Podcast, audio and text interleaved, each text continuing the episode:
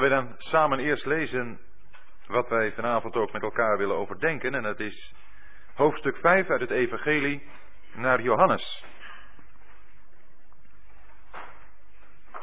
Johannes, hoofdstuk 5.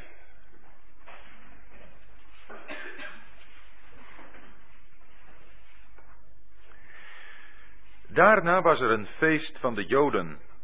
En Jezus ging op naar Jeruzalem.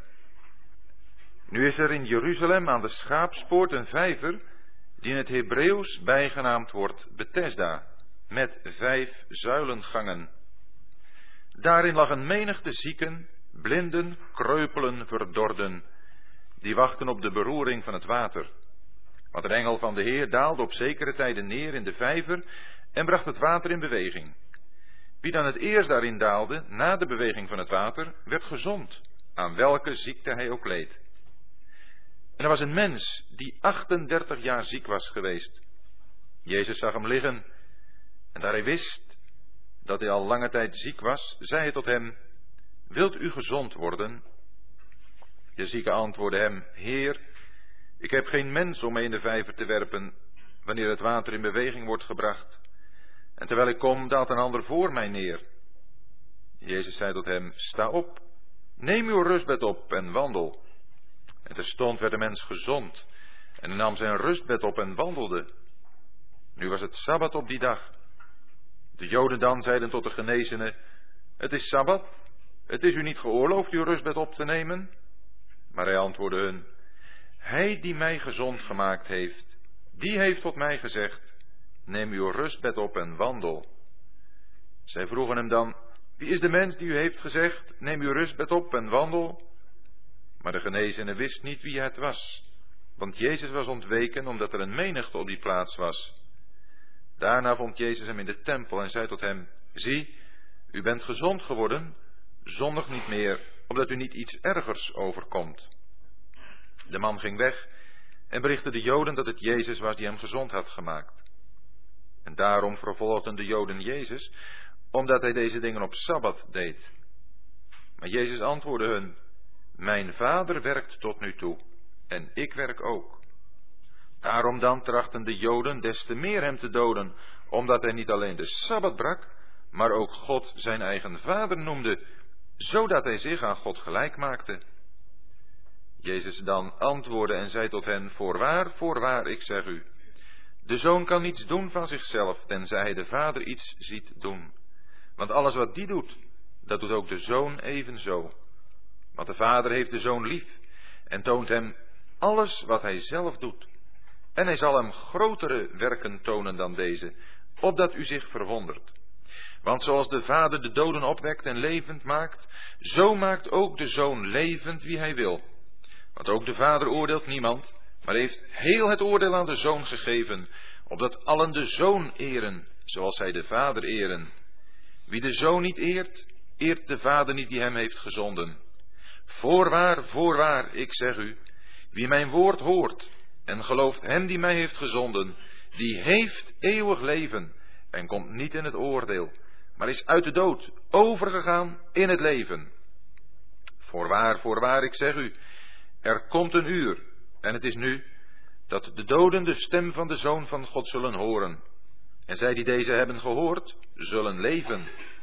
Want zoals de Vader leven heeft in zichzelf, zo heeft hij ook de Zoon gegeven leven te hebben in zichzelf. En hij heeft hem macht gegeven oordeel uit te oefenen, omdat hij de mensenzoon is. Verwondert u hierover niet, want er komt een uur dat allen die in de graven zijn, zijn stem zullen horen en zullen uitgaan. Zij die het goede hebben gedaan tot de opstanding van het leven. En zij die het kwade hebben bedreven tot de opstanding van het oordeel. Ik kan van mijzelf niets doen. Zoals ik hoor, oordeel ik. En mijn oordeel is rechtvaardig, omdat ik niet mijn wil zoek, maar de wil van Hem die mij heeft gezonden. Als ik van mijzelf getuig, is mijn getuigenis niet waar. Er is een ander die van mij getuigt. En ik weet dat het getuigenis dat Hij van mij getuigt waar is. U hebt naar Johannes toegezonden en hij heeft van de waarheid getuigd. Ik neem echter niet het getuigenis van een mens aan, maar ik zeg dit opdat u behouden wordt. Hij was de brandende en schijnende lamp, en u hebt zich voor een tijd in zijn licht willen verheugen. Ik heb echter het getuigenis dat groter is dan dat van Johannes. Want de werken die de Vader mij heeft gegeven om ze te volbrengen, die werken zelf die ik doe, getuigen van mij dat de Vader mij heeft gezonden. En de Vader die mij heeft gezonden, die heeft van mij getuigd. U hebt nog zijn stem ooit gehoord, nog zijn gedaante gezien, en zijn woord hebt u niet blijvend in u, omdat u hem niet gelooft die hij heeft gezonden. U onderzoekt de schriften, omdat u meent daarin eeuwig leven te hebben. En die zijn het die van mij getuigen. En toch wilt u tot mij niet komen, opdat u leven hebt. Eer van mensen neem ik niet aan. Maar ik ken u, dat u de liefde van God niet in uzelf hebt. Ik ben gekomen in de naam van mijn vader, en u neemt mij niet aan. Als een ander komt in zijn eigen naam, die zult u aannemen. Hoe kunt u geloven, u die eer van elkaar aanneemt, en niet de eer zoekt die van de enige God komt? Meent niet dat ik u bij de Vader zal aanklagen. Hij die u aanklaagt is Mozes, op wie u uw hoop gevestigd hebt. Want als u Mozes geloofde, zou u mij geloven, want hij heeft over mij geschreven. Maar als u zijn geschriften niet gelooft, hoe zult u mijn woorden geloven?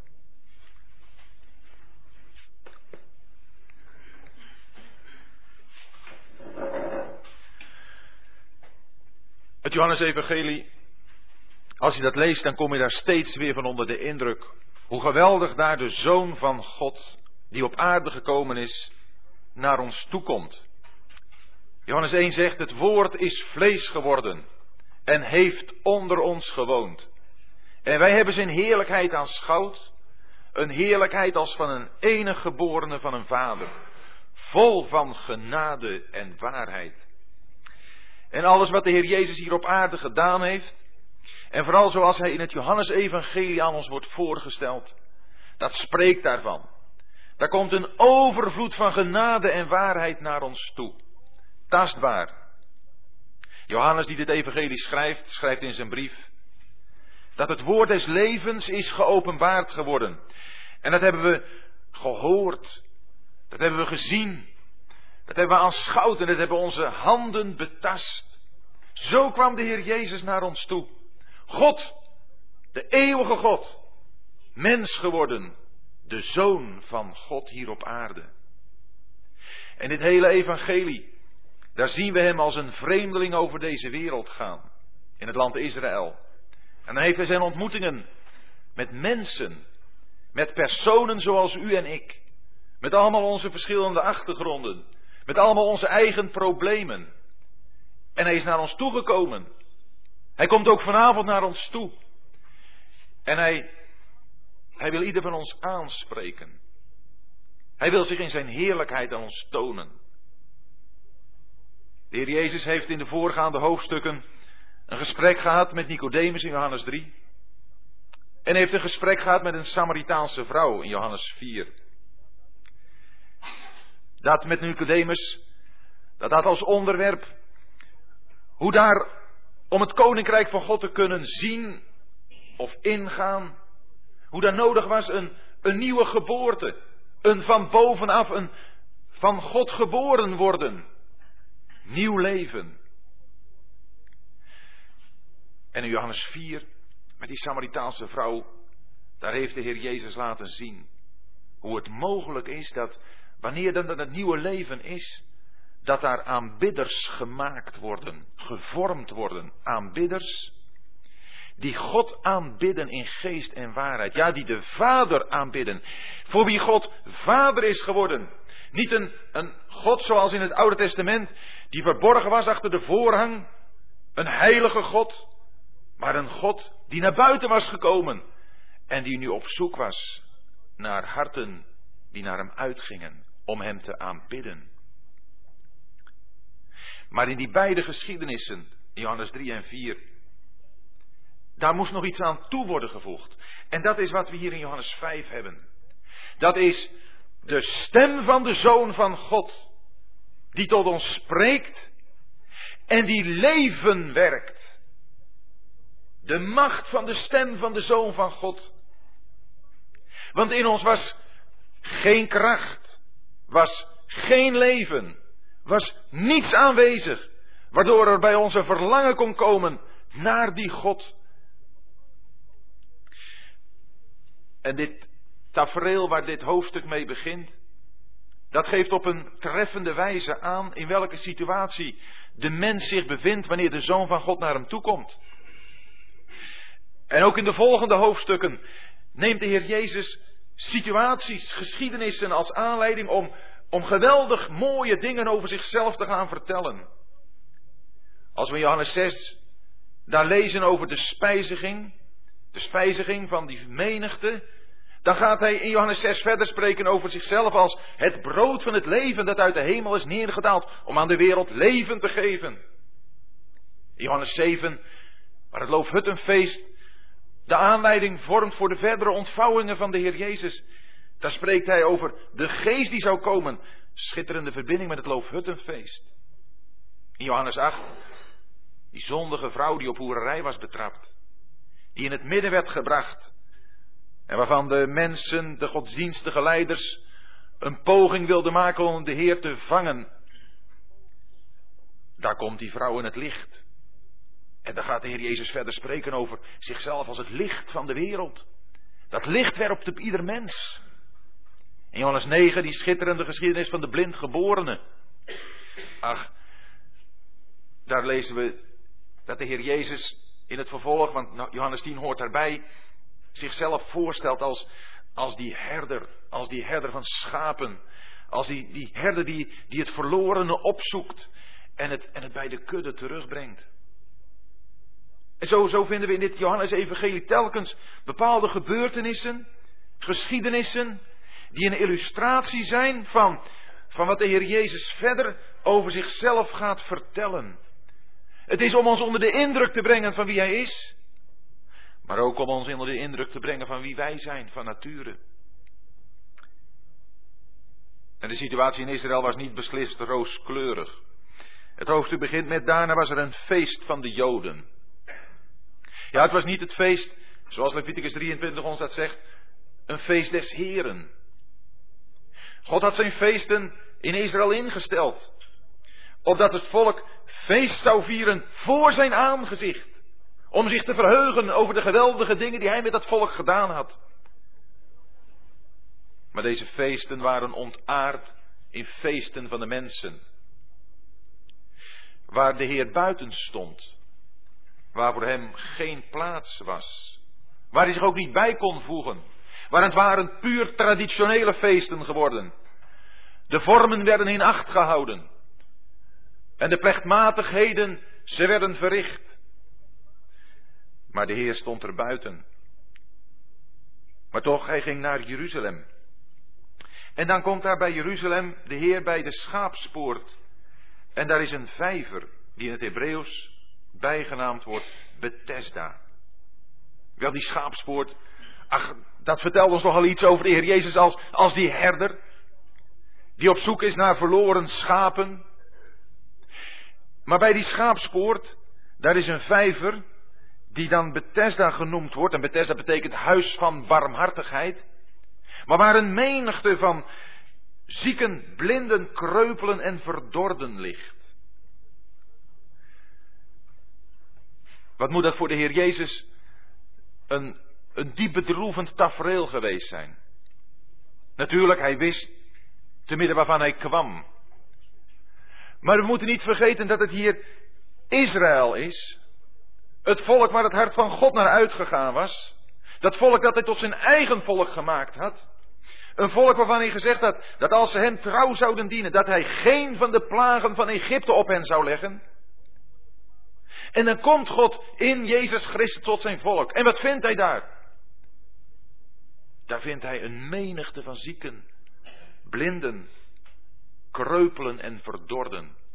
Een groot ziekenhuis. Ja, de mens had er wat van gemaakt.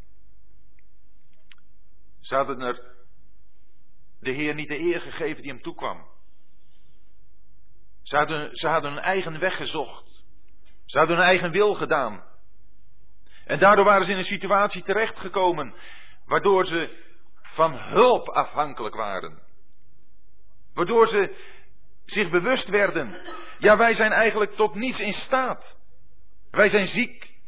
En het enige wat wij kunnen doen is, is naar dat huis van barmhartigheid gaan. Gaan rekenen op de barmhartigheid van de Heer. En toch, dit huis van barmhartigheid, dit Bethesda, beantwoorden nog niet helemaal aan, aan de volkomen liefde van God. Want wat we in deze geschiedenis geïllustreerd zien, dat is inderdaad dat er barmhartigheid van God aanwezig is. Dat op zekere tijden daar een engel neerdaalt en de vijver van Bethesda in beroering brengt. Maar dan is het nog maar een enkeling die baat kan vinden bij deze barmhartige daad van God. Dan is het nog maar die enkeling die ook als eerste nog in dat water terechtkomt. En dan is ook nog die enkeling die dus persoonlijk nog voldoende kracht moet hebben om daar te komen. En zo heeft God zich in het Oude Testament bewezen. Als die God, zeker die God die, die barmhartig en genadig is, als eerste gelukkig. Maar toch ook een God die zich op, op grondslag van voorwaarden, die het volk zelf gesteld heeft, met het volk in verbinding had geplaatst. Wat had het volk niet gezegd bij, bij de Sinaï? Alles wat de Heer gesproken heeft, dat zullen wij doen. En het was juist daardoor omdat zij het niet konden. Omdat er in het volk zelf geen kracht was. Het was juist daardoor dat dat volk in zo'n verschrikkelijke toestand terechtgekomen was. Die we hier afgebeeld vinden. In die menigte zieken, blinden, kreupelen en verdorden. Het was een Bethesda met vijf zuilengangen. En het getal vijf spreekt van de verantwoordelijkheid van de mens. En de verantwoordelijkheid die een mens gekregen heeft om God te dienen. Daaraan heeft de mens niet voldaan. De mens die heeft alleen maar laten zien dat hij God niet kon dienen, niet wilde dienen. En dat wilde een echt dienen van God zijn. Daar de stem van de Zoon van God moet komen. Om leven te wekken, om kracht te geven. Zoals dat bij deze man zich zal gaan tentoonspreiden. Deze man hij was 38 jaar al ziek. En ik denk dat het mede daarom een, een duidelijke illustratie is van het volk Israël onder de wet. Van wie we lezen in Deuteronomium 2 dat het volk Israël 38 jaar lang in de woestijn heeft rondgezworven. 38 jaar onder de verantwoordelijkheid door God geplaatst is. En wat weten we van dat volk? Dat ze allemaal neergeveld zijn in de woestijn. Behalve Jozua en Caleb. Maar het hele volk is weggevaagd van voor Gods aangezicht. Ja, degene van twintig jaar en daaronder, die mochten het land in. Maar dat volk wat gesproken had, alles wat de Heer gezegd heeft, dat zullen wij doen. Daar is er niet één van in het land gekomen. De wet, Gods voorwaarden aan de mens, de wet die heilig is en rechtvaardig en goed, zullen de mens nooit brengen in de zegen van God. Ze zullen de mens duidelijk maken dat hij het zelf niet kan. Dat er in hem geen kracht is om God te gehoorzamen. Om te doen wat God gezegd heeft en om zo de zegen te beërven. De wet die zei, doe dit en gij zult leven. Nou, hier ligt een man. Die probeert te doen wat God gezegd heeft. Althans, gebruik te maken van, van iets wat God gegeven heeft. Maar er is geen kracht. Helemaal geen kracht. En zo zijn er tallozen, talloze mensen die in deze wereld trachten, zoals de Bijbel zegt, een eigen gerechtigheid op te richten. Die deze wereld trachten om voor zichzelf een, een soort gevoel te krijgen van, ja, nu zal God toch wel tevreden met mij moeten zijn. En ze krijgen het niet, tenminste als ze eerlijk zijn. Er zijn nog altijd mensen die zeggen, ja, God moet toch wel aardig tevreden met mij kunnen zijn. Maar iemand die echt eerlijk is, zal zeggen nee. Het wordt hem niet. Het wordt hem nooit. De wet maakt duidelijk. En alles wat de mens zichzelf oplegt, maakt duidelijk. Dat hij ten ene male veroordeeld is te mislukken. Volkomen onderuit te gaan. Geen enkel houvast. Zoals gezegd, dat komt niet door de wet, maar dat komt door de mens. Romeinen 8 zegt dat de wet door het vlees krachteloos is. Er is in u en mij geen enkele garantie aanwezig dat wij dat wat de wet van ons vraagt kunnen gaan volbrengen. Het is wel zo vergeleken, ik vind het een prachtige vergelijking. Dat, dat een kunstenaar die in staat is om een prachtig kunstwerk uit hout te snijden. Met het beste gereedschap in zijn handen. Toch dat kunstwerk niet klaar krijgt als hij met slecht hout bezig is, met vermolmd hout. Dan kan die kunstenaar nog zo knap zijn en zijn gereedschap nog zo goed. Maar het hout deugt niet. En zo is het met de mens. God is heilig. God is rechtvaardig. En God heeft zijn heilige eisen neergelegd in de wet. Die heilig en rechtvaardig en goed is. Maar het zit hem bij ons dat het niet gaat. Bij mij, bij u. Bij wat wij van nature zijn. En dat God die dat toch gegeven heeft, dat is om dat ons duidelijk te maken. Om ons te laten zien dat het niet gaat in eigen kracht. Niet gaat door eigen prestatie, door eigen inspanning. Maar dat het moet door een persoonlijk contact met de Heer Jezus Christus, die een verlossend woord spreekt. Maar eerst zegt hij dit. Wilt u gezond worden? Misschien zijn er hier vanavond mensen die zich zo voelen, die het maar proberen te doen, die maar proberen zich, zich op te werken tot een niveau waarvan ze denken, ja, dat is het niveau wat, wat God van mij verwacht. En die, die zich voelen klimmen aan een, langs een paal naar boven die met zeep helemaal ingesmeerd is. Een paar slagen omhoog en dan weer zakken. Het lukt niet. Wanneer het zo is, dan komt ook vanavond de vraag: wilt u gezond worden? Wilt u echt het leven dat God belooft te geven ontvangen? Het leven ook echt leven en beleven? Dan zult u die vraag van de Heer Jezus heel serieus op u moeten laten inwerken. Wilt u gezond worden? Het antwoord van deze zieke is in vers 7: Heer, ik heb geen mens om in de vijver te werpen wanneer het water in beweging wordt gebracht. En terwijl ik kom, daalt een ander voor mij neer. Het was een man die om zich heen niemand had. Ik heb geen mens. En die in zich ook helemaal niets had, waardoor hij gebruik kon maken van dat wat God nog in zijn barmhartigheid te midden van Israël had nagelaten. Totaal hopeloos, krachteloos, geen enkel uitzicht. En ik denk dat er heel wat mensen zijn in deze wereld die toch hun ellende beseffen, die toch zich bewust zijn van, zoals het nu gaat, gaat het niet goed. Maar hoe moet het? Ik heb geen mens. En misschien is vanavond ook voor u en mij een woord. In die zin dat wij kunnen zijn als mensen die die anderen kunnen wijzen op de Heer Jezus. En die vanuit het woord van God woorden Gods kunnen doorgeven.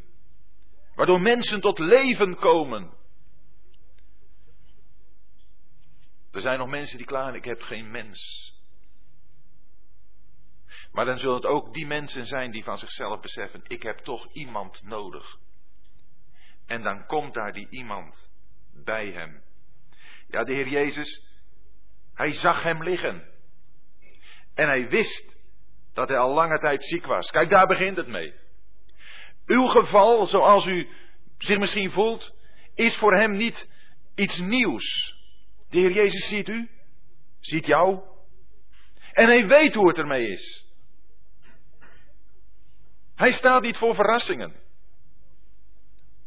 Maar als hij dan die vraag gesteld heeft, wilt u gezond worden? Dan heeft misschien ook uw antwoord, ja, niemand om me heen die me kan helpen. In mezelf geen kracht. En dan dat, dat verlossende woord van de Heer.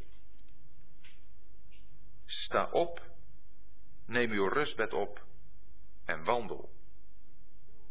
Dat is een woord met een geweldige kracht. Weet u, het staat er zo eenvoudig. Maar dat woord is een woord van leven. U moet zich voorstellen dat deze man 38 jaar daar gelegen had. 38 jaar lang. Toch een flauwe hoop heeft gekoesterd om een keer als eerste daar in dat badwater te kunnen komen. En dan gezond te worden. En dan komt daar iemand. Ja, waarvan hij niet eens weet wie dat is. Waarvan hij niet het besef heeft dat dat is de zoon van de levende God. Die hem daar in zijn ellende ziet. En die weet hoe het er bij hem toestaat. En dan dat machtwoord. Wel, wat is er ermee als met die man met die verdorde hand, weet u wel, in die synagoge. Waarvan de Heer zegt, kom eens in het midden staan. En waarvan de Heer zegt, strek uw hand uit. En dan doet hij dat en die hand wordt gezond. De Heer spreekt en dan is er die volkomen genezing bij deze man. Sta op, neem uw rustbed op en wandel. En terstond werd de mens gezond en hij nam zijn rustbed op en wandelde. Er was niet een, een trapsgewijze verbetering in zijn situatie waar te nemen. Direct was het aanwezig. Terstond. Ach, en dan had die man misschien wel kunnen denken, nou dat zijn mooie woorden. Maar ik, ik blijf toch maar liggen. Hij was zo gewend geraakt aan die situatie daar. Nee, hij stond op. De kracht doorstroomde zijn beenderen. En hij nam zijn rustbed op. Dat bed waar hij zo lang op gelegen had. Dat nam hij onder zijn arm. En daar ging hij. En hij wandelde. En het was Sabbat. Op die dag. Ja, dat was Sabbat. En dat was dan voor de Joden, was dat een enorme aanstoot. Want zij hadden hun geboden, hun wetten. En daar hadden ze in neergelegd dat niemand op de Sabbat zomaar zijn rustbed mocht opnemen en een eindje mocht gaan lopen. Ja, er waren onder bepaalde omstandigheden, bepaalde voorwaarden, met bepaalde voorschriften wel mogelijkheden om een paar stappen te doen op de Sabbat. Maar zo wat deze man hier deed, dat was onmogelijk. Het is u niet geoorloofd uw rustbed op te nemen. In plaats van dat ze zich hebben verwonderd over het feit dat deze man, maar ze zullen dat toch vaak genoeg, daar langs gelopen zijn. Elke keer hebben ze hem daar zien liggen. En, en nooit hebben ze iets aan zijn situatie kunnen doen. In plaats dat ze zich hebben verbaasd over het feit dat deze man, die ze zo lang daar hadden zien liggen, nu daar liep. Hebben ze zich alleen maar boos gemaakt over het feit dat hij op de Sabbat zijn rustbed opnam en wandelde. Nou, dat is nu de godsdienst van de mens ten voeten uit. Die alleen maar bestaat uit regeltjes. Waar het leven volkomen vreemd aan is. Waar het niet aanwezig is.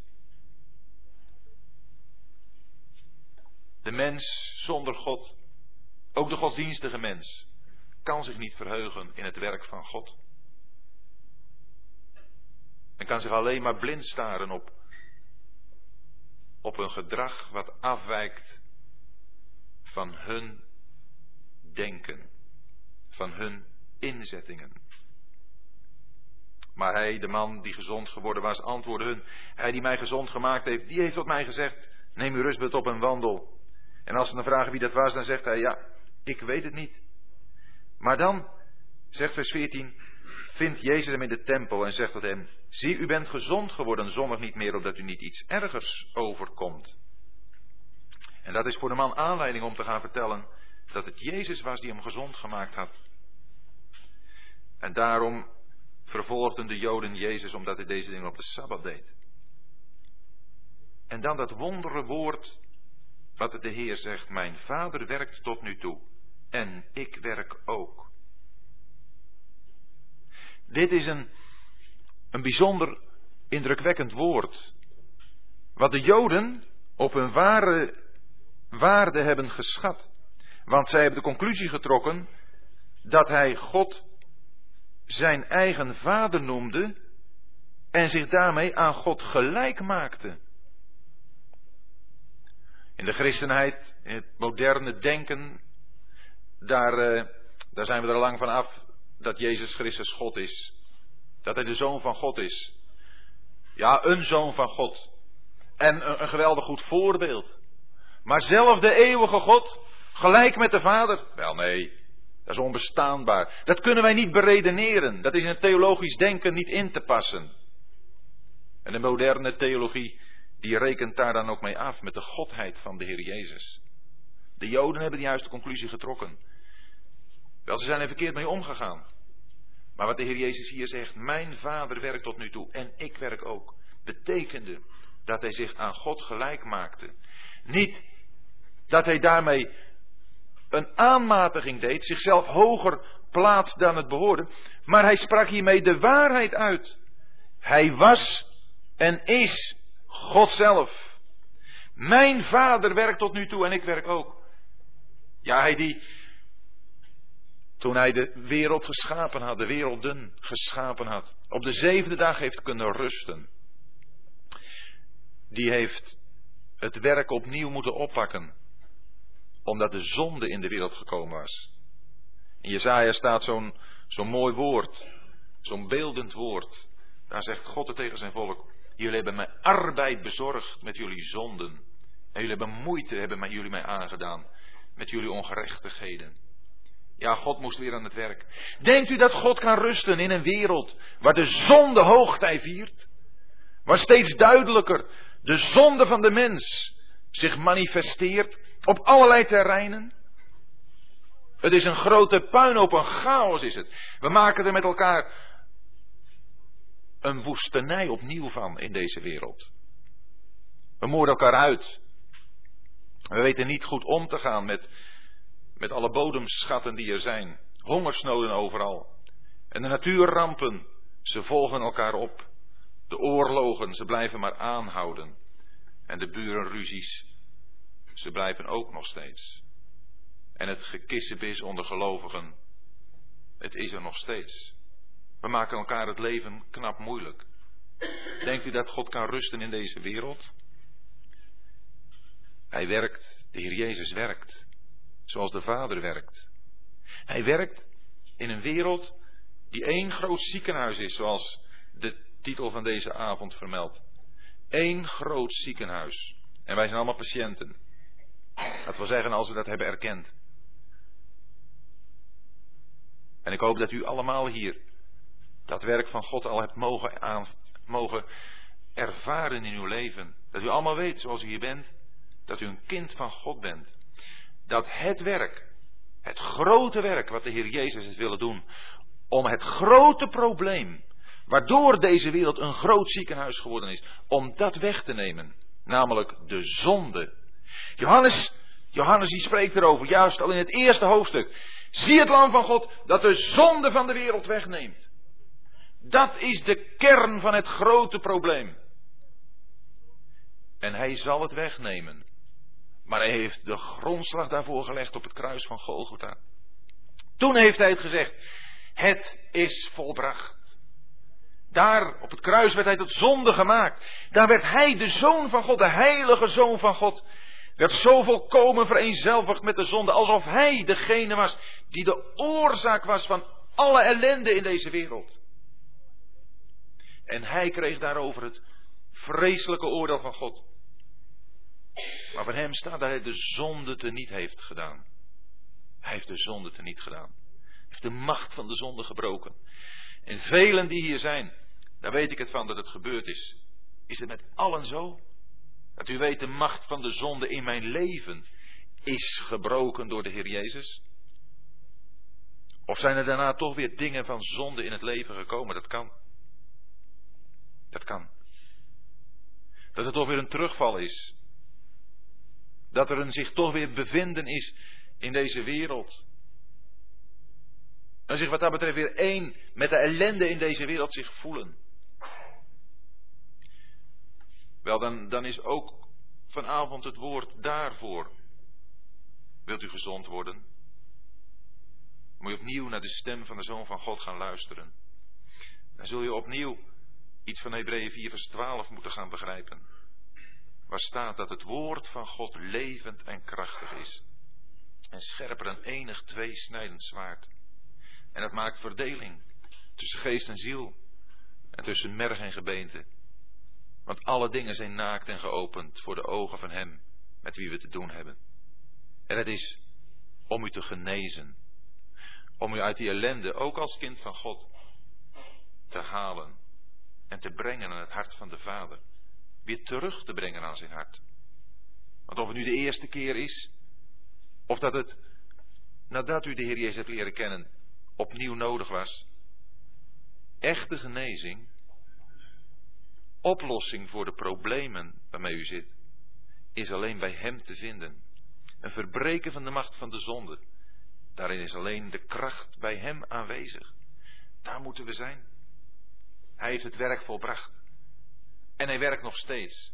De Heer Jezus, daarvan lezen we in Marcus aan het eind, dat als hij teruggekeerd is in de hemel, dan lezen we dat hij werkte mee. Door het doen van tekenen en wonderen, dan gaat het dan om het verkondigen van het evangelie. Maar hij werkte mee. En de Hebreeënbrief, oh die zo prachtig het, het hoge priestelijke werk van de Heer Jezus voorstelt. Daar, daar lees je dat de Heer Jezus altijd leeft altijd bezig is om voor u en mij, als we Hem kennen, tussen beiden te treden. Bij God. Om als het ware ons in onze moeilijkheden, de omstandigheden die soms zo moeilijk kunnen zijn. Dat bedoel ik dus niet mee onze persoonlijke, innerlijke strijd die we kunnen hebben. Om, om een bepaalde macht van de zonde daar vrij van te komen. Maar, maar moeilijke dingen waarin je steeds weer kracht moet hebben om door te gaan, om vol te houden, om het er niet erbij te laten zitten. Daarvan staat ook dat hij daarvoor leeft. Hij is er en hij zorgt en hij helpt en hij geeft kracht. En dat doet hij door zijn woord. En dat doet hij door zijn bezig zijn als hoge priester. De Heer Jezus, hij werkt zoals de Vader werkte. Hij en de Vader zijn één. Wie de Zoon heeft, gezien, die heeft de Vader gezien. En dat komt in het volgende gedeelte, waarin de Heer Jezus over zichzelf gaat spreken in verbinding met de Vader, zo heel mooi tot uiting. In vers 19 lezen we, Jezus dan antwoordde en zei tot hen, Voorwaar, voorwaar, ik zeg u, de zoon kan iets doen van zichzelf, tenzij hij de vader iets ziet doen. Want alles wat die doet, dat doet ook de zoon evenzo. Voorwaar, voorwaar. Dat twee keer voorwaar. Dat, ik meen dat het alleen in het Johannesevangelie voorkomt. En ook nog ongeveer een 25 keer. In andere evangeliën staat het maar één keer voorwaar. Maar hier in het Johannesevangelie staat dat twee keer. En dat is om, om extra nadruk te geven. Het voorwaar betekent amen. Het, het, zij, het is zo. Wij besluiten daar een gebed mee, met amen. De Heer Jezus begint daarmee. Want wat hij zegt, dat is de waarheid. Dat kun je voor waar houden. Daar zit niets van leugenachtigheid in. Dat is de werkelijkheid. De zoon kan niets doen van zichzelf, tenzij hij de vader iets ziet doen. Wel, daar zie je de volkomen eenheid van de vader en de zoon in. Op andere plaatsen spreekt de Heer er ook over. Ik en de vader zijn één. En de woorden die de Vader mij gegeven heeft om te spreken, die spreek ik. En alles wat ik bij mijn Vader gezien heb, dat doe ik. En hier zegt hij, de zoon kan niets doen van zichzelf, tenzij hij de Vader iets ziet doen.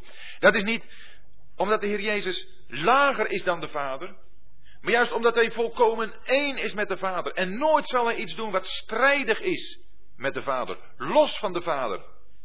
Weet u, dit zijn bijzondere waarheden van het christendom. Die pas in het christendom ontvouwd zijn geworden.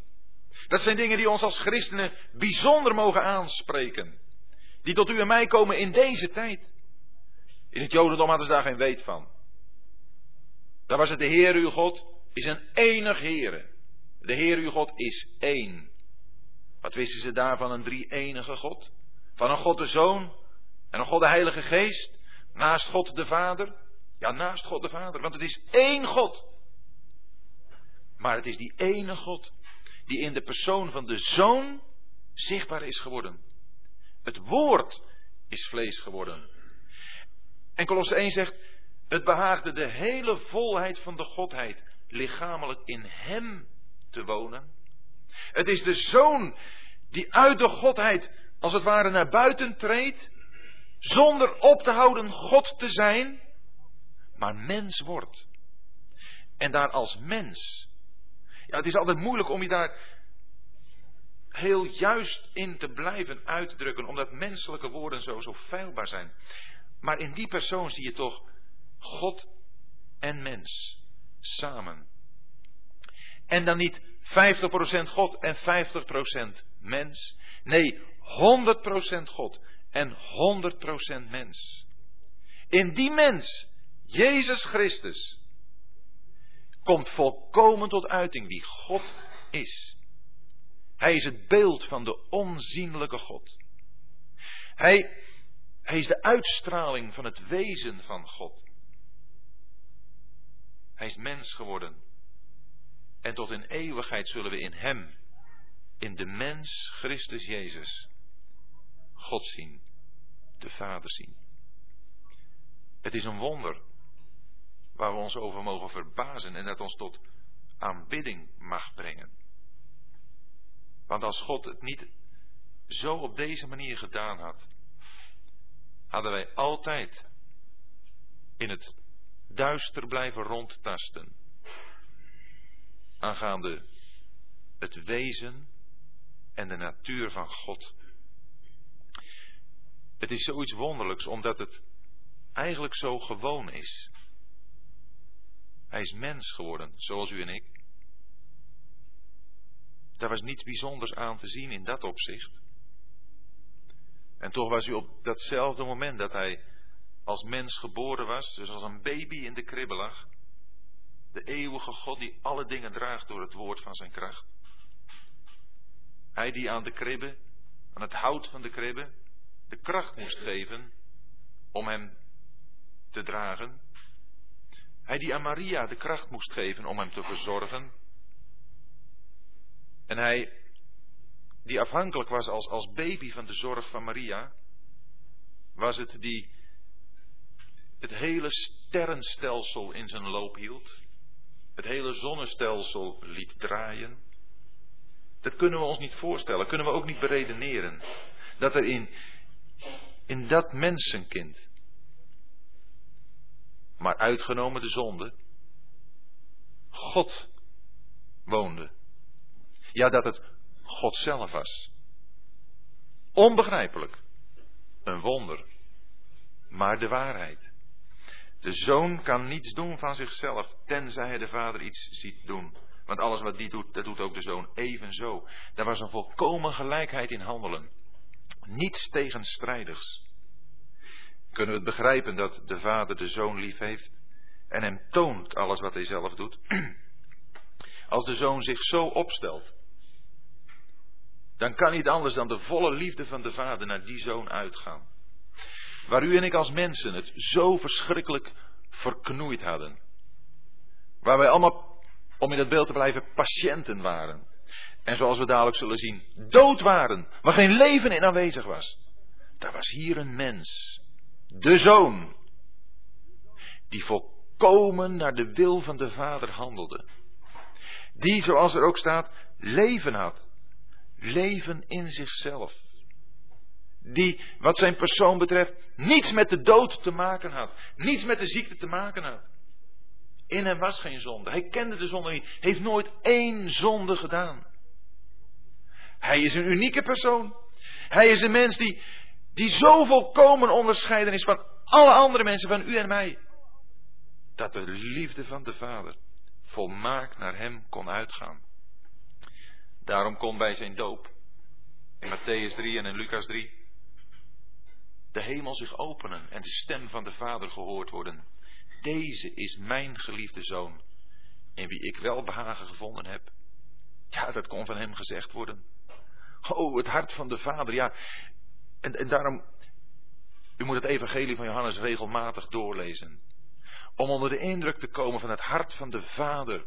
Zoals dat naar de Zoon uitgaat. Meerdere keren staat het in in dit evangelie. De Vader heeft de Zoon lief. Oh, dat gaat zo ver uit boven wat wij zo vaak onder liefde verstaan. Het is een puur menselijk, emotioneel gevoel. Maar hier gaat het om die goddelijke liefde. Om die liefde die, die een voorwerp heeft waar al de liefde zonder enige beperking naar uit kan gaan. Die door niets wordt tegengehouden, die door niets wordt afgewend, maar volkomen rechts. Zoals de Vader de doden opwekt en levend maakt, zo maakt ook de Zoon levend wie hij wil. De Zoon heeft een, heeft een wil die volkomen past bij de wil van de Vader. En een macht die volkomen past bij de macht van de Vader. En het is die zoon die daarom levend kan maken wie hij wil. En als u levend gemaakt bent, dan is het omdat hij het gewild heeft. Dan is het niet omdat u zo graag wilde. Dan is het omdat hij het gewild heeft. Gaat me nu even over de kant van het hart van God en het hart van de zoon. Romeinen 9 zegt het. Het ligt niet aan hem die wil, ook niet aan hem die werkt, maar aan de ontfermende God. Het is de zoon die, die daar die man zag en die wist dat hij al zo lange tijd ziek was. En die naar hem toe kwam. Het is ook bij die blind geboren dat de Heer Jezus daar zo voorbij gaat en hem zag. Het initiatief gaat van de Heer uit, van de Zoon uit. Hij is naar u toegekomen en hij heeft gesproken. Jazeker, u hebt u moeten bekeren. De Bijbel is er heel duidelijk over, over de verantwoordelijkheid van de mens.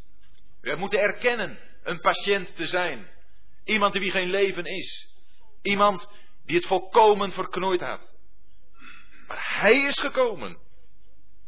De wereld heeft niet om hem geroepen. Maar hij kwam in de volheid van de tijd. Hij kwam naar deze wereld. En juist het Johannes Evangelie zegt. Hij kwam tot de zijnen. De zijnen hebben hem niet aangenomen. Hij kwam in de wereld. De wereld is door hem geworden. En de wereld heeft hem niet gekend. Ze stonden er niet in rijen op te wachten. Er was geen paleis. Er was voor hem geen plaats in de herberg. Ze wilden hem niet. Enkelingen. Enkelingen hebben op hem gewacht. Maar het grote geheel, de massa, ze wilden hem niet. Ongewenst. En bij het kruis hebben ze het geroepen, weg met hem. Weg met hem. We willen hem niet. En het is deze zoon die ook naar u en mij toegekomen is en gesproken heeft. Leef. Hij, de Vader, wekt de doden op en ook de Zoon. Hij maakt levend wie hij wil. Dat is het, het woord van de levendmaking. Maar vers 22 en het volgende, dat geven aan dat de Vader oordeelt niemand, maar heeft heel het oordeel aan de zoon gegeven, opdat allen de zoon eren zoals zij de vader eren. Wie de zoon niet eert, eert de vader niet die hem gezonden heeft. Ook zo'n heel belangrijk en ook actueel woord voor deze tijd. Mensen spreken veel over God. Ja, en God geloven. Natuurlijk is God er. Een goede God of een slechte God kan allemaal niet schelen. Iedereen mag zijn eigen idee over God hebben. En er is zeker eerbied voor God. Natuurlijk, mooie liederen kunnen we over God zingen. Jezus? Ja, Jezus, die was er ook. Goed mens. Als ze er al van weten. Want het is benauwend op te merken hoe weinig er in de christenheid, in de gevestigde christenheid, over de Heer Jezus wordt gesproken. Ik heb meerdere mensen het horen vertellen hoe zij opgegroeid zijn, opgevoed zijn bij de Bijbel en ook bij God, ook tot God gebeden hebben en nooit van de Heer Jezus hebben gehoord. Ik zeg nu nooit van de Heer Jezus hebben gehoord, over de Christus der Schriften hebben gehoord. Natuurlijk hebben ze wel eens over de Heer gehoord, over, over Jezus. Maar over Hem die ook God is. Over Hem die eer toekomt. En het is onmogelijk om God, om de Vader te eren, zonder de Zoon te eren. De Vader enige eer geven, God enige eer toeschrijven. Zonder dat de Zoon geëerd wordt, daar zegt de Vader, daar zegt God van weg ermee. Die eer, die neem ik niet. Dat is een eer die door de mensen zelf bedacht is. En die past bij hun eigen denken over God. Alleen wie de zoon eert, die kan de vader eren. Het gaat in al de plannen, in al de gedachten, in alles wat er in het hart van God is, bij hem om de zoon. Gaat het bij u ook om de zoon van God, om de Heer Jezus? Welke plaats neemt hij in uw leven in? God wil dat allen de zoon eren, zoals zij de vader eren. Wie de zoon niet eert, eert de vader niet die hem heeft gezonden. Voorwaar ik zeg u, en dat is een prachtig woord, Johannes 5, vers 24. Voorwaar, voorwaar ik zeg u, wie mijn woord hoort en gelooft hem die mij gezonden heeft, die heeft eeuwig leven en komt niet in het oordeel, maar is uit de dood overgegaan in het leven. Hebt u het woord van de Zoon van God gehoord? Hebt u in hem geloofd? Dan hebt u eeuwig leven. Dat is een woord van zekerheid. Geen enkele twijfel. Niets meer waardoor u in verwarring zou mogen worden gebracht. Het is de Zoon van God die gesproken heeft. Hebt u hem gehoord? Hebt u hem geloofd? Dan hebt u eeuwig leven. Het is de Heer Jezus zelf, de Zoon zelf die dat hier zegt. Dan mag u in uw hart niets meer van twijfel toelaten. Wanneer u echt zoals deze man uw ellendige situatie hebt erkend voor God. En de zoon heeft gesproken en u hebt dat geloofd, u hebt dat aangenomen. Dan hebt u eeuwig leven. Hier staat toch niets van twijfel? Elke twijfel is toch van de duivel? Ja, die willen we eens influisteren. Ja, maar zo gemakkelijk gaat het niet. Daar moet nog wel even wat anders aan te pas komen. Nee, ja, natuurlijk staat het hier wel, maar er komen nog een heleboel andere dingen bij. Dat kun je niet zomaar aannemen. De Heer Jezus zegt het hier. Wie de stem van de Zoon van God hoort en gelooft Hem die mij heeft gezonden, die heeft eeuwig leven. En komt niet in het oordeel. Ja, het oordeel is aan de Zoon gegeven. En waarom? Dat lezen we verder. Omdat hij mensenzoon is. De Heer Jezus is die man, zoals Handelingen 17 dat zegt, die door God verwekt is, opdat hij daardoor het aardrijk zal oordelen in gerechtigheid. Waarom is het deze mensenzoon, waarom is het de Heer Jezus als mensenzoon, die het oordeel van de Vader heeft gekregen? Wel omdat hij als mens hier op aarde gewandeld heeft. Als u en ik. Met een volkomen toegewijd hart aan God.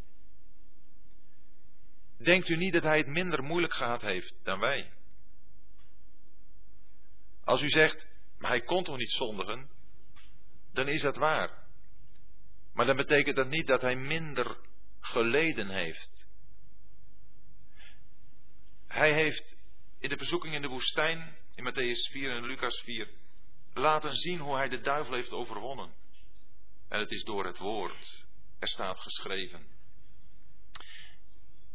Hij is een leven, hier op aarde heeft hij geleefd, zoals een mens het had moeten leven. Als de wet zegt, doe dit en gij zult leven, dan had hij na zijn volmaakte leven hier op aarde, eeuwig hier op aarde kunnen blijven leven. Want hij had de wet volkomen gehouden. Maar juist het Johannes-evangelie maakt duidelijk dat hij veel meer gedaan heeft dan de wet. Want waar vraagt de wet van een mens om voor een ander mens te sterven? Waar vraagt de wet van een mens dat hij zijn leven zou moeten afleggen? De wet was juist gegeven om leven te kunnen beërven. En hier is een mens die dat gedaan heeft en die vrijwillig zijn leven aflegt. Hierom heeft de Vader mij lief. Omdat ik mijn leven afleg, opdat ik het weer neem. En heeft het leven afgelegd voor u en voor mij.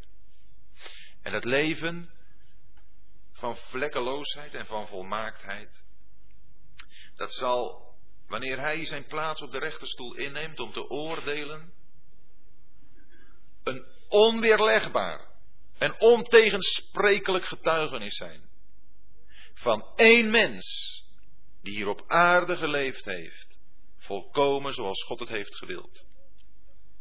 En ieder mens die voor de rechterstoel van God zal staan, waar deze mens Jezus Christus op zit, en zal zeggen, God, u hebt dingen gevraagd die een mens niet kan doen.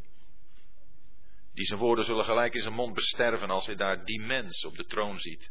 Die ene mens die het wel gedaan heeft. Daarom is het een mens die oordeelt. O God had in zijn almacht toen de zondeval gekomen was, gelijk de mens naar de hel kunnen verwijzen. En God heeft het niet gedaan. Omdat hij zijn plannen in een mens wilde waarmaken. En dit is de mens Jezus Christus. En allen die met hem verbonden zijn, omdat ze de stem van de Zoon van God gehoord hebben, zullen mogen delen in al de geweldige beloningen die hij op grond van zijn werk heeft ontvangen. En die komen niet in het oordeel. Wanneer het oordeel aan de zoon des mensen gegeven is, dan is dat om te oordelen hen die nog steeds in de dood zijn. Die nog steeds voor God geen leven hebben. Die nog steeds hun oren toegestopt houden voor de stem van de Zoon van God. Want de Heer Jezus zegt het in vers 25, de derde keer, voorwaar, voorwaar, ik zeg u, er komt een uur en het is nu, dat de doden de stem van de Zoon van God zullen horen en zij die deze hebben gehoord, zullen leven. En nog eens een keer, ik hoop dat ieder die hier zit, zich tot dit vers mag rekenen. Dood geweest, maar nu levend, omdat we de stem van de Zoon van God hebben gehoord. En dat is het uur waarover de Heer Jezus spreekt. Dat uur is nu. En dat uur is er nog steeds. En nog steeds mag in deze wereld de evangelie gepredikt worden. En nog steeds komen de mensen tot bekering omdat, omdat zij de stem van de Zoon van God horen. En leven. En daardoor vanuit de dood overgaan in het leven. En niet in het oordeel komen. En waarom niet? Omdat het leven van iemand die luistert naar de stem van God eigenlijk al geoordeeld is. Want dat oordeel heeft Jezus Christus gedragen op het kruis. En nooit zal God de zonden twee keer oordelen. Of uw zonden zijn geoordeeld toen hij aan het kruis stierf. Of u zult zelf in het oordeel moeten omkomen.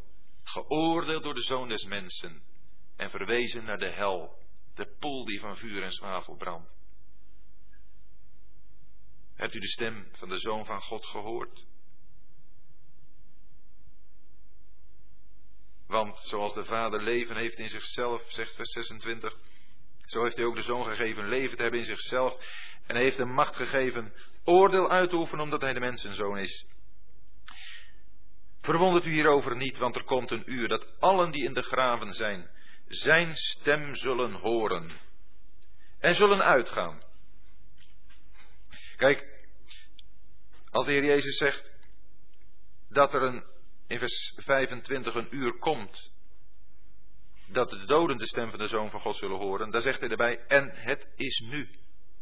En daar spreekt hij over de geestelijk doden, over de mensen die leven in hun zonden, maar geestelijk dood zijn.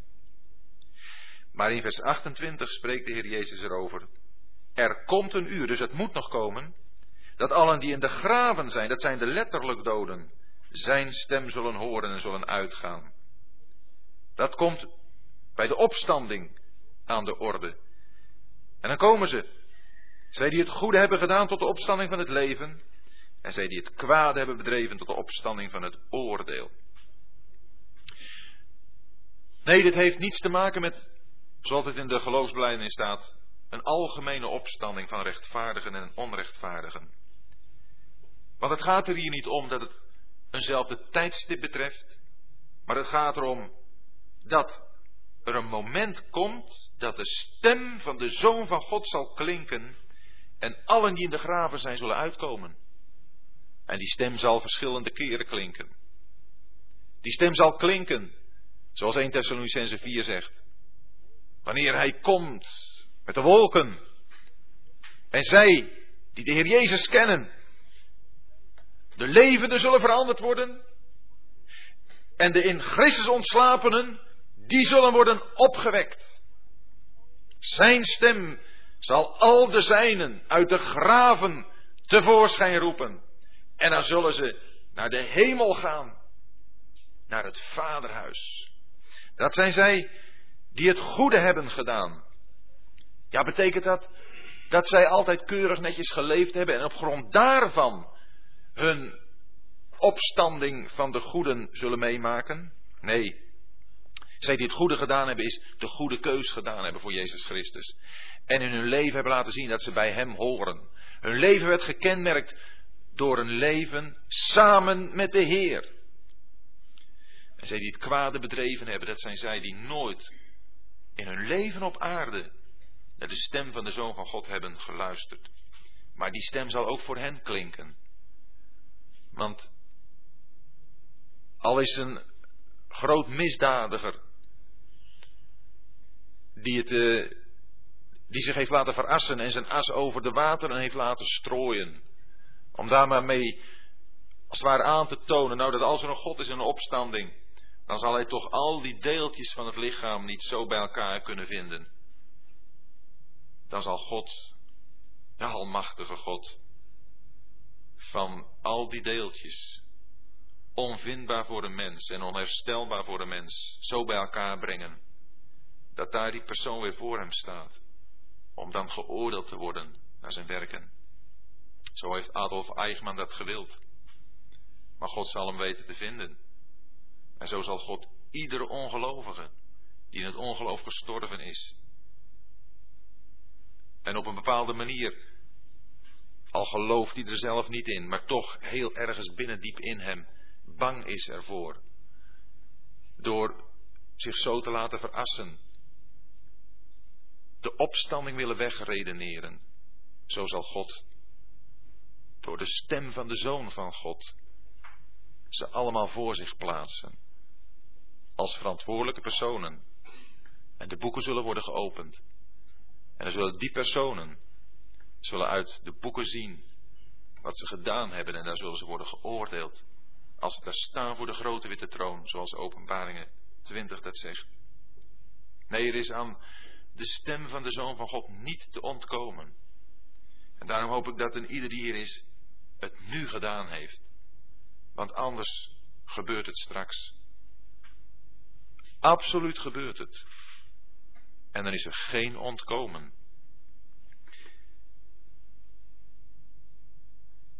Ik kan van mijzelf niets doen. Zoals ik hoor, oordeel ik en mijn oordeel is rechtvaardig, omdat ik niet mijn wil zoek, maar de wil van Hem die mij heeft gezonden. De Heer Jezus, Hij zocht niet zijn eigen eer, zo lezen we dat ook verderop. Hij heeft alleen maar de wil gezocht van Hem die Hem heeft gezonden. En juist omdat elk eigen belang hierbij afwezig was, daarom was zijn oordeel rechtvaardig. Weet u, onze beoordeling van bepaalde dingen of personen is zo vaak gekleurd, omdat er altijd nog wel iets van eigenbelang in kan zitten. Wij mensen, die nog feilbaar zijn ook, komen tot het meest rechtvaardige oordeel als we vrij zijn van elke vorm van eigenbelang. Zodat we een onpartijdig oordeel kunnen vellen. Bij de Heer Jezus was dat volmaakt zo. Hij zocht niet zijn eigen wil maar de wil van Hem die Hem gezonden had. En daarom was zijn oordeel rechtvaardig. En om alles wat de Heer hier zo van zichzelf naar voren heeft gebracht, te ondersteunen, kracht bij te zetten, geeft Hij in de laatste versen, vers 31 tot en met 47, een viertal getuigenissen die duidelijk maken dat wat hij gezegd heeft, dat dat de waarheid is. In vers 33 daar verwijst hij naar Johannes. Hij heeft van de waarheid getuigd. En in vers 36, daar zegt de Heer, ik heb echter het getuigenis dat groter is dan dat van Johannes. En dan verwijst de Heer naar de werken die de Vader hem gegeven had om ze te volbrengen. Die werken die getuigden van hem, dat de Vader hem had gezonden. En dan in vers 39, daar spreekt de Heer erover dat de schriften van hem getuigden. Dus Johannes en de werken van de Vader en de schriften getuigden van hem. En hij getuigde ook van zichzelf. De Heer Jezus in zijn getuigenis, hij laat het zo duidelijk uitkomen. Is er voor u en mij nog enige reden om, om het getuigenis dat hij gegeven heeft te betwijfelen? En het geweldigste getuigenis is toch het woord. Het woord dat wij hebben, dat u en ik hebben. Dat we kunnen lezen, kunnen herlezen, dat we kunnen bestuderen, dat we in onze harten kunnen opnemen, dat onze levens kan doortrekken, omdat het een getuigenis is aangaande de Zoon van God. Het is niet een dogma, het is niet een, een abstracte waarheid waar we ons mee bezighouden, het is een levende persoon. En de vraag is, wie is Hij voor u? Wie is Hij voor mij? Leeft Hij echt? En luister ik elke dag naar Zijn stem? Niet alleen maar die stem zoals hij tot mij kwam toen ik nog dood was, in mijn ellende, in mijn hopeloosheid. Maar leef ik bij hem? Een mens zal niet leven van brood alleen, maar zal leven bij alle woord dat door de mond van God uitgaat. En de Zoon van God heeft dat woord gesproken. En wij hebben het in onze handen. En we mogen het lezen. In alle rust, in alle vrijheid. En ik hoop dat u het doet. Elke dag. Aandachtig. Indringend. Bewogen. En dat het aanspreekt. En dat het beïnvloedt. Dat het heel uw denken, heel uw leven doortrekt. Het is de Zoon van God bij wie het, voor wie het bij de Vader gaat. Alles in het hart en het leven, in het zijn van de Vader. Daar is de Zoon het middelpunt van. En hij wil dat het ook bij u en mij zal gaan gebeuren. In de heerlijkheid, in het Vaderhuis, daar is het allemaal niet moeilijk meer. Daar zal het de Zoon zijn. En niets anders. Daar zullen we zijn heerlijkheid zien en bewonderen en aanbidden. Maar hier mogen we er in toenemen. In toenemende mate. En de zekerheid van wie Hij is, hebben we hier voor ons. En toch bijzonder in dit schitterende hoofdstuk, Johannes 5. Zo gezellig om even met elkaar te praten, dat je gewoon geen tijd hebt om een vraag op te schrijven. En dat, uh, dat is helemaal geen ramp. U kunt rustig uw vraag nog mondeling stellen. Maar de vraag die ik hier heb staat op papier. En die luidt: Er staat in de Bijbel dat de Satan ons bij God aanklaagt. Doch in Johannes 5, vers 46 staat dat uw aanklager Mozes is. Hoe moeten we dat nu verstaan? Dat God ons uh, dat de Satan ons aanklaagt, dat staat in Zacharia hoofdstuk 3. In Zacharia 3.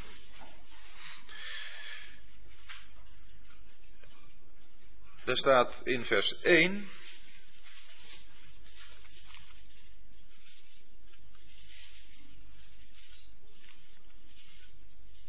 Vervolgens deed hij mij, dat is Zacharia, de hoge priester Jozua zien, staande voor de engel des Heren, terwijl de Satan aan zijn rechterhand stond om hem aan te klagen. Zacharia ziet er een tafereel waarbij je eigenlijk de hoge priester als een vertegenwoordiger van het hele volk zou kunnen betitelen. Dat volk wat het zo uh, erbij had laten zitten, en dan is de Satan erbij om het volk aan te klagen. Eenzelfde uitdrukking vinden we ook in het boek De Openbaring. Met in Openbaringen 12. 12 vers 10. Waar sprake is van De aanklager van onze broeders, die hen dag en nacht voor ons God aanklagen. Klaagde, die is neergeworpen. Daar is de Satan bezig om de gelovigen bij God in een kwaad daglicht te stellen. Satan, de grote tegenstander van God, van de Heer Jezus, die doet al zijn best om alle verkeerde dingen die we als gelovigen nog doen, bij God in gedachtenis te brengen. Om ons maar uh, bij God in discrediet te brengen. Om als het ware God tegen ons te laten zijn. En dan is het toch prachtig om het woord uit Romeinen hierbij aan te halen. Romeinen hoofdstuk 8. Waar we lezen in vers 33 als een vraag.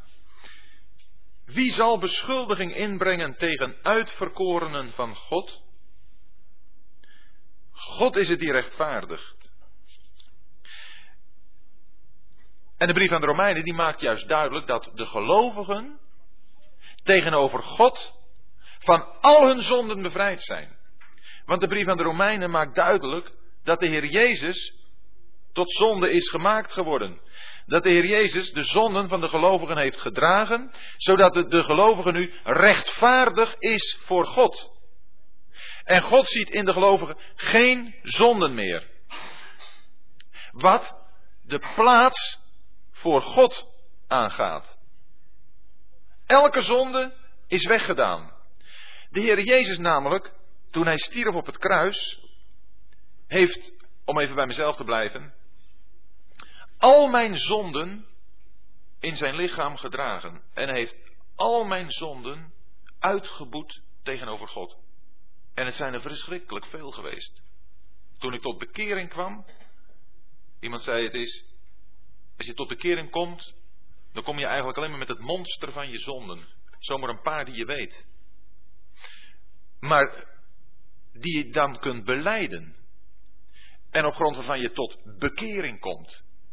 Wat je daarna gaat zien, dat is dat de Heer Jezus al je zonden heeft gedragen op het hout. Ze allemaal heeft weggedaan. Niet alleen de zonden van voor mijn bekering, maar ook mijn zonden die ik nog gedaan heb na mijn bekering. En ook de zonden die ik nog zal doen. Als God mij nog hier op aarde laat. Dat is geen enkel excuus voor mij om te zondigen. Maar gelukkig is dat zo. Want de Heer Jezus, die 1900 jaar geleden gestorven is op het kruis, wist wie ik was. En toen hij daar in mijn plaats stierf, heeft hij al mijn zonden gedragen, want hij heeft mijn hele leven overzien. Tot het moment dat of hij zou komen, of dat ik zou sterven, of dat ik zal sterven. Dan weet de Heer Jezus, toen wist hij dat toen hij aan het kruis stierf, wat er van mijn leven zou zijn. En welke zonden hij zou moeten beleiden voor God. Dus al mijn zonden zijn weg. En dan kan de Satan komen en zeggen van, kijk nog eens, dan doet hij dit weer. En dan kan God zeggen, Christus, mijn zoon, heeft ze uitgedelgd. De Satan heeft geen, om het even plat te zeggen, geen poot om op te staan. Helemaal niets. Ik moet wel mijn zonden beleiden. Jazeker. Ik moet mijn zonden beleiden, want anders, maar dat heeft te maken met onze verhouding tot de Vader, want God is mijn Vader geworden. Anders kan ik geen contact, geen gemeenschap hebben met de Vader. Mijn vrouw en ik hebben zes kinderen. En die hebben het aardje naar hun vaartje. En dat betekent dat ze knap ondeugend kunnen zijn.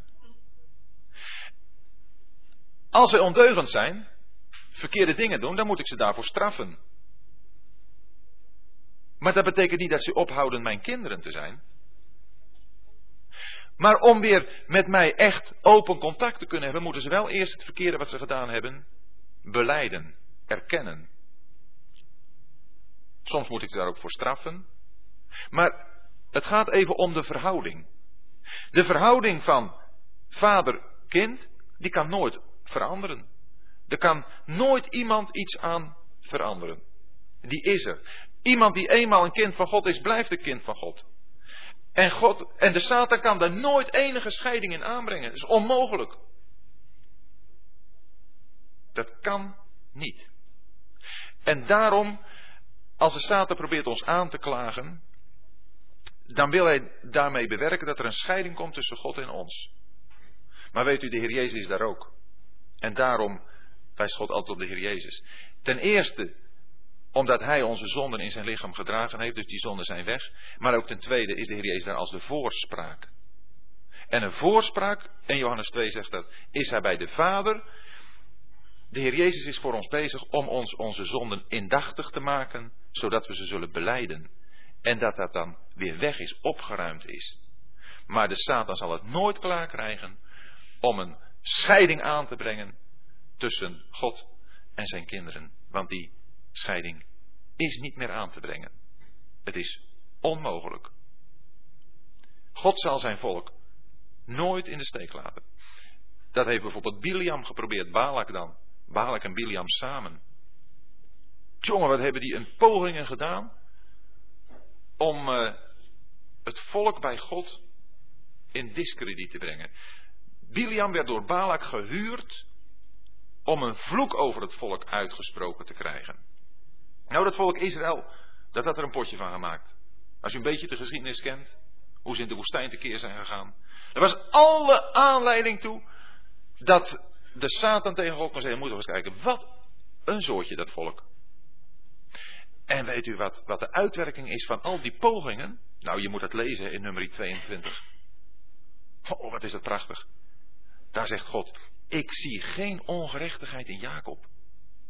Moet je even indenken. Nou, en dat is het juist. God houdt tegenover de vijand zijn volk altijd hoog. Altijd. God heeft zelf met zijn volk te handelen, maar er staat de vijand buiten. Daar staat er helemaal niks mee te maken. Als ik iets met mijn kinderen heb wat ze niet goed gedaan hebben, hoeven de buren daar helemaal geen enkele weet van te hebben.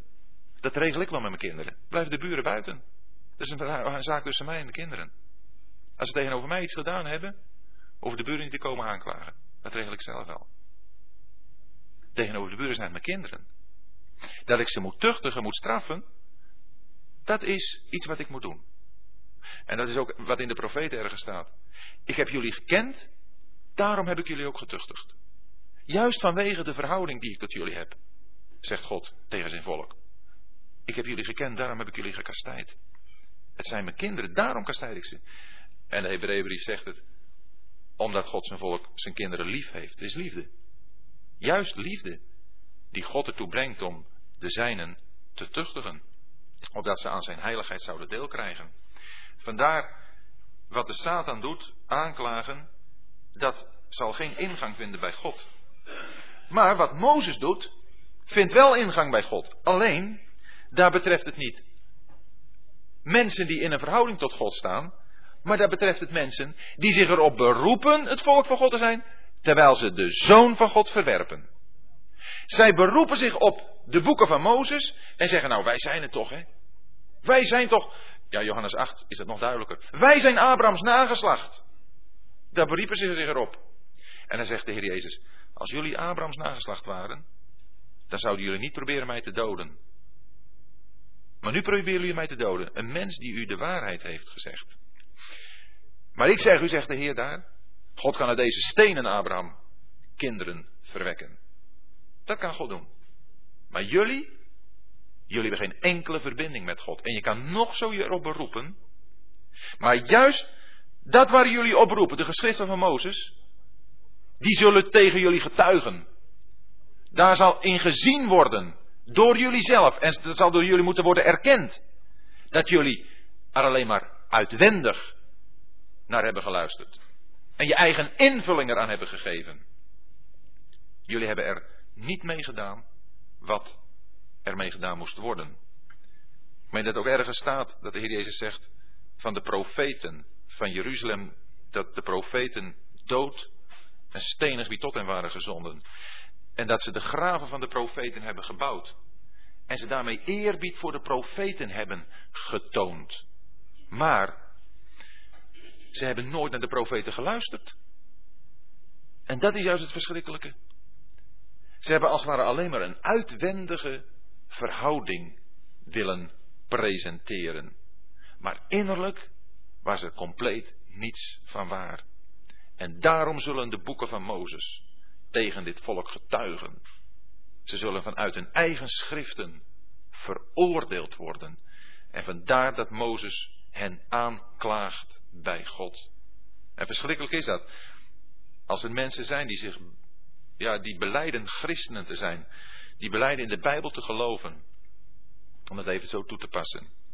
En die straks toch voor de rechterstoel van God zullen komen te staan.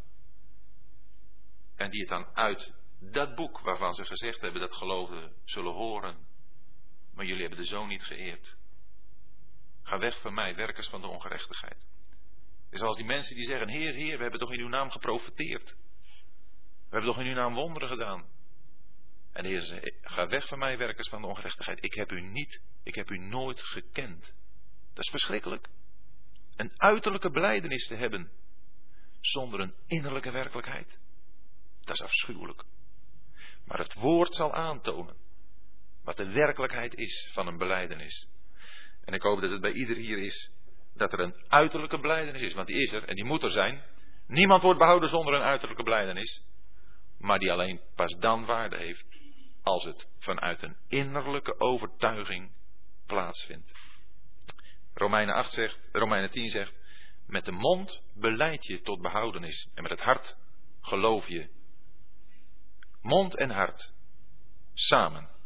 Daardoor wordt een mens behouden.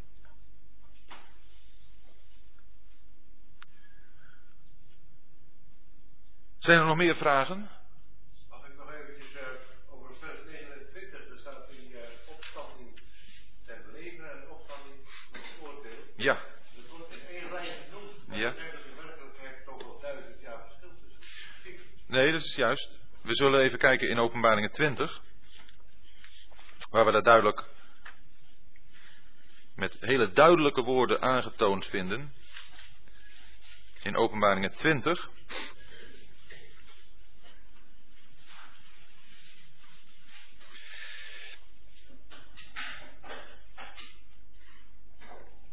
Vers 4. En ik zag tronen en zij gingen erop zitten en het oordeel werd hun gegeven. En ik zag de zielen van hen die om het getuigenis van Jezus en om het woord van God onthoofd waren. Dat is dus gebeurd in de drieënhalf jaar van de grote verdrukking. En die het beest op zijn beeld niet hadden aangebeden in dezelfde tijd. En niet het merkteken aan hun voorhoofd en aan hun hand hadden ontvangen. Lees het allemaal in openbaringen 13. En zij werden levend en regeerden met Christus duizend jaren. Nou, daarmee is dan eigenlijk de eerste opstanding voltooid.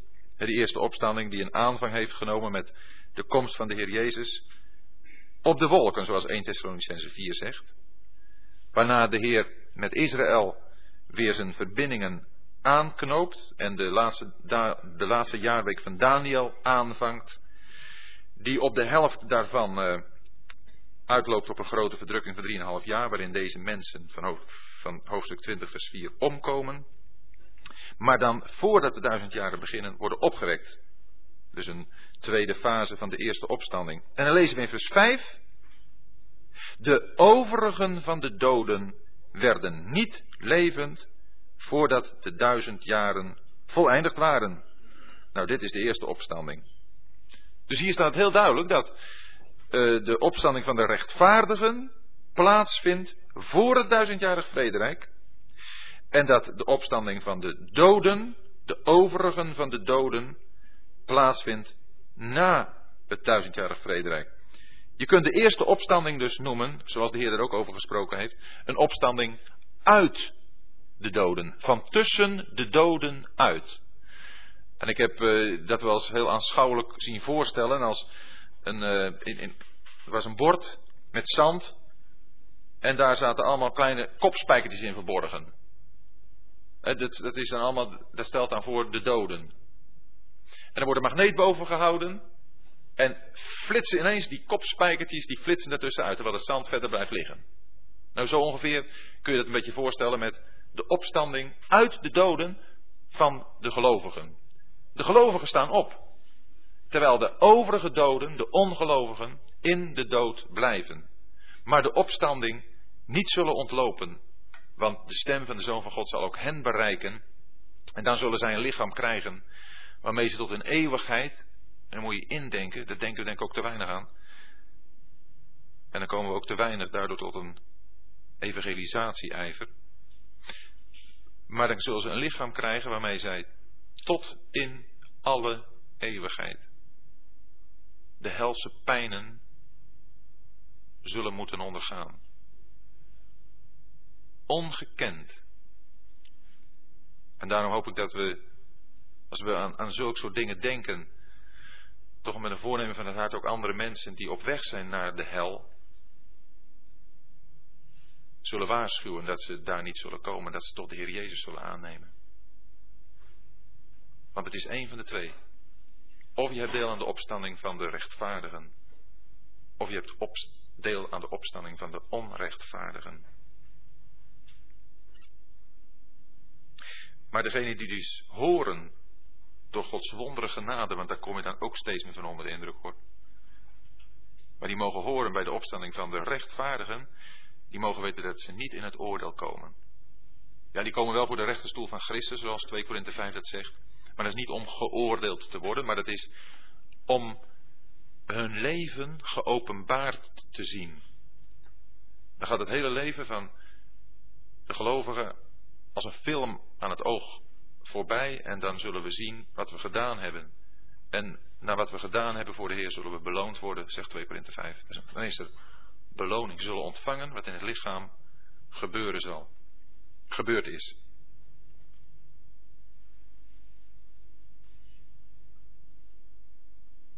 En dan is er ook nog een oordeel van de levenden, ja, van uh, Matthäus 25 lezen we dat. Hè, de troon die op aarde opgericht zal worden als de Heer Jezus terugkomt. Daar vinden we dat de volken verzameld worden en dat ze worden gescheiden naar de linker en de rechterhand in schapen en bokken. En de maat van beoordeling daar is hoe de volkeren zich hebben gedragen tegenover de broeders van de Heer, de boodschappers die uitgegaan zijn in de tijd van de grote verdrukking, waarin het eigenlijk alleen maar mogelijk was om broeders van de Heer te helpen, wanneer daar een innerlijke verbondenheid was met deze broeders van de Heer. En dat elke kleine dienst, al was het maar een glas koud water, wordt toegerekend alsof het aan de Heer zelf zou zijn gedaan. Kijk, zo'n zo tekst wordt ook enorm misbruikt om uh, goed te gaan doen in uh, derde wereldlanden en zo. En aan de armen is niet zo tegen natuurlijk, maar je moet nooit het woord van God daarvoor misbruiken. Je moet wel lezen in het verband waarin het staat. En dan heeft het te maken met het oordeel over de levenden, over de volkeren. Dus je zou kunnen zeggen, het is één rechterstoel in verschillende zittingen. De eerste zitting vindt plaats als de gelovigen zijn opgenomen en voor de rechterstoel van Christus worden geopenbaard. De tweede zitting vindt plaats hier op aarde, Matthäus 25, als de volkeren daar voor de rechterstoel van Christus zullen komen. Het is de troon der heerlijkheid, zegt Matthäus 25. En zullen dan worden beoordeeld naar hun houding tegenover de broeders van de Heer. En de derde zitting is de grote witte troon. In, de, in het begin van de eeuwigheid, eigenlijk op, op de scharnier van, op het keerpunt van tijdelijke naar de eeuwigheid. Daar zit dan de Heer Jezus. En dan komen de doden voor hem te staan, de groten en de kleinen. Het zijn niet volwassenen en kleine kinderen. Maar dat zijn de grote en de minder grote zondaren. Mensen die het vreselijk verdorven hebben en mensen die het wat minder verdorven hebben. Net zo goed als dat er staat dat wie de wil van God gekend heeft, van zijn Heer gekend heeft, zal met vele slagen geslagen worden. En die die niet gekend heeft en niet gedaan, zal met minder slagen geslagen worden. Er is ook in het oordeel toch een onderscheid in strafmaat. Maar daar staan ze dan, de groten en de kleinen. En dan worden ze geoordeeld naar wat in de boeken staat.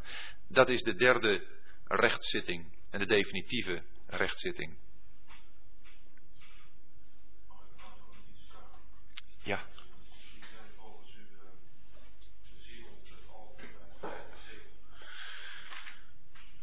Dat staat in Openbaringen 6. De zielen onder het altaar.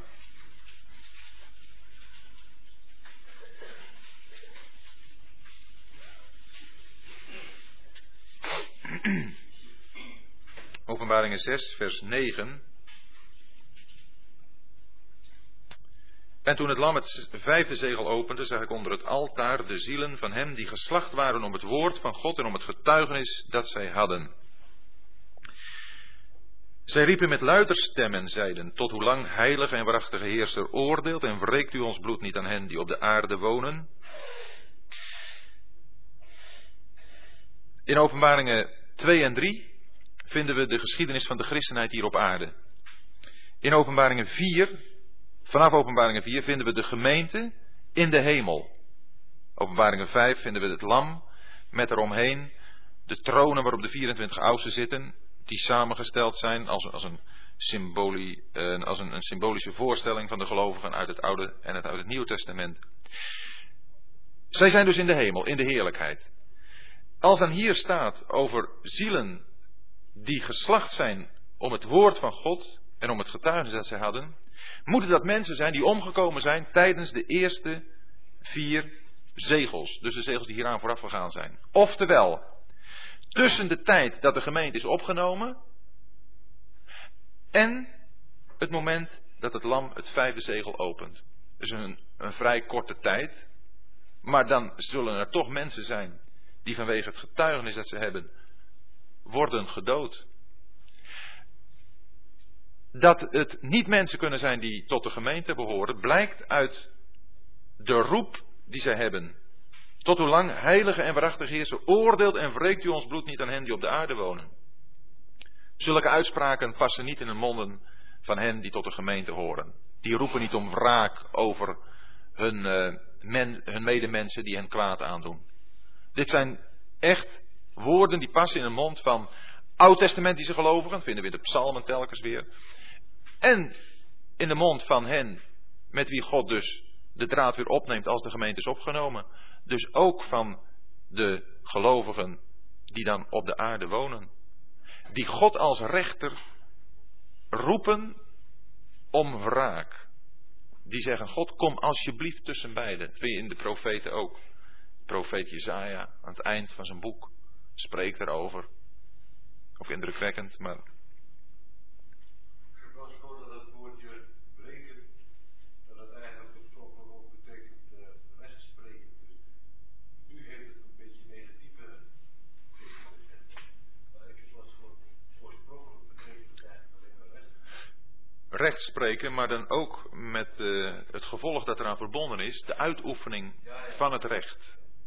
He, voor, tegen ons wordt gezegd, wreekt u zelf niet, geliefden, maar laat de wraak over aan God in Romeinen 12. Dus nou ook recht spreken Ook recht spreken, ja maar hier staat het beide, hè? oordeelt en wreekt, staat hier beiden. Kijk, als God wreekt, dan doet hij dat omdat hij een juist oordeel heeft geveld. Het is net als eh, in, in de rechterlijke macht in Nederland. Een overtreding wordt geconstateerd, wordt veroordeeld. Maar dan moet ook de